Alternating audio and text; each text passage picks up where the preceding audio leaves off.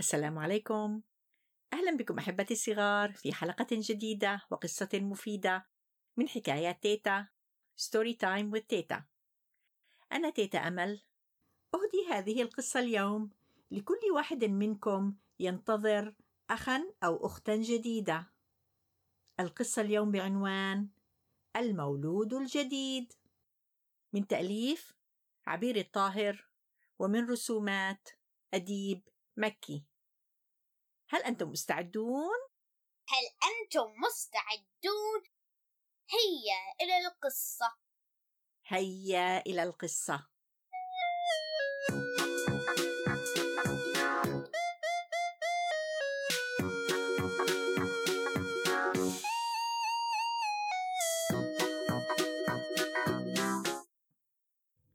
ياسمين تنتظر قدوم أبيها وأمها والمولود الجديد من المستشفى.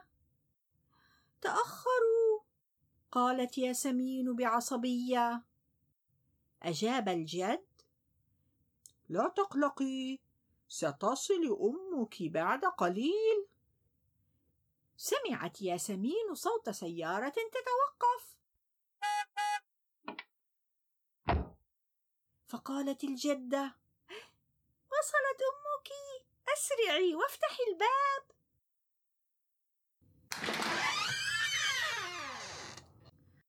هتفت ياسمين بفرح. أمي اشتقت لك. وأنا أيضا اشتقت لك كثيرا. وأخيرا سيعود كل شيء كما كان. قالت ياسمين قالت العمة. انظروا إلى وجهه وهو نائم. إنه كالملاك. قال الجد. انظروا إلى يديه وأصابعه. إنها ناعمة كالحرير. قال الجميع. إنه ملاك. إنه بشع وأنا أجمل منه ألف مرة. فكرت ياسمين اقتربت ياسمين من المولود الجديد بهدوء وعضت يده. صرخ المولود الجديد صرخة أيقظت جميع أهل العمارة والحي والمنطقة والعالم.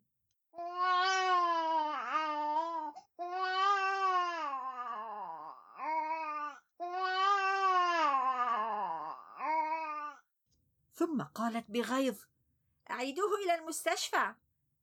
قال إنني أريد أخا؟ قالت الأم حبيبتي ياسمين أنت ستساعدينني بالعناية بأخيك الصغير. يمكنك أن تطعميه إذا جاع. وتستطيعين أن تأخذيه في نزهة كي يراه جميع أصدقائك والجيران. وتعطيه حماما إذا كانت له رائحة مقرفة.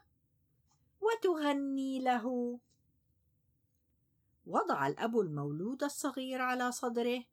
لكن المولود ازداد صراخا.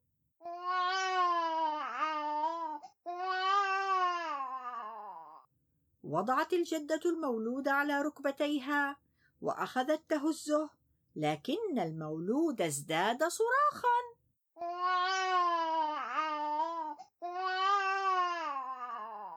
حملت الأم المولود الصغير بين يديها وصارت تغني له غير أنه ظل يبكي ودموعه تنهمر بغزارة.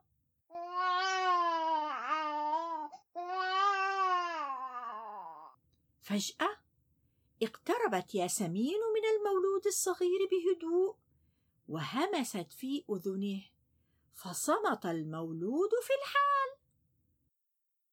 يا ترى ماذا قالت ياسمين لأخيها الصغير؟ هل حزرتم؟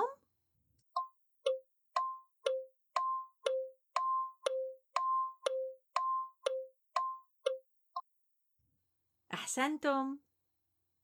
هيا لنكمل القصة. قال الجميع بدهشة. آه ماذا فعلت له؟ قالت ياسمين وهي تبتسم ابتسامة كبيرة. لم أفعل شيئا. لقد همست في أذنه. شش شش لا تخاف أنا أحبك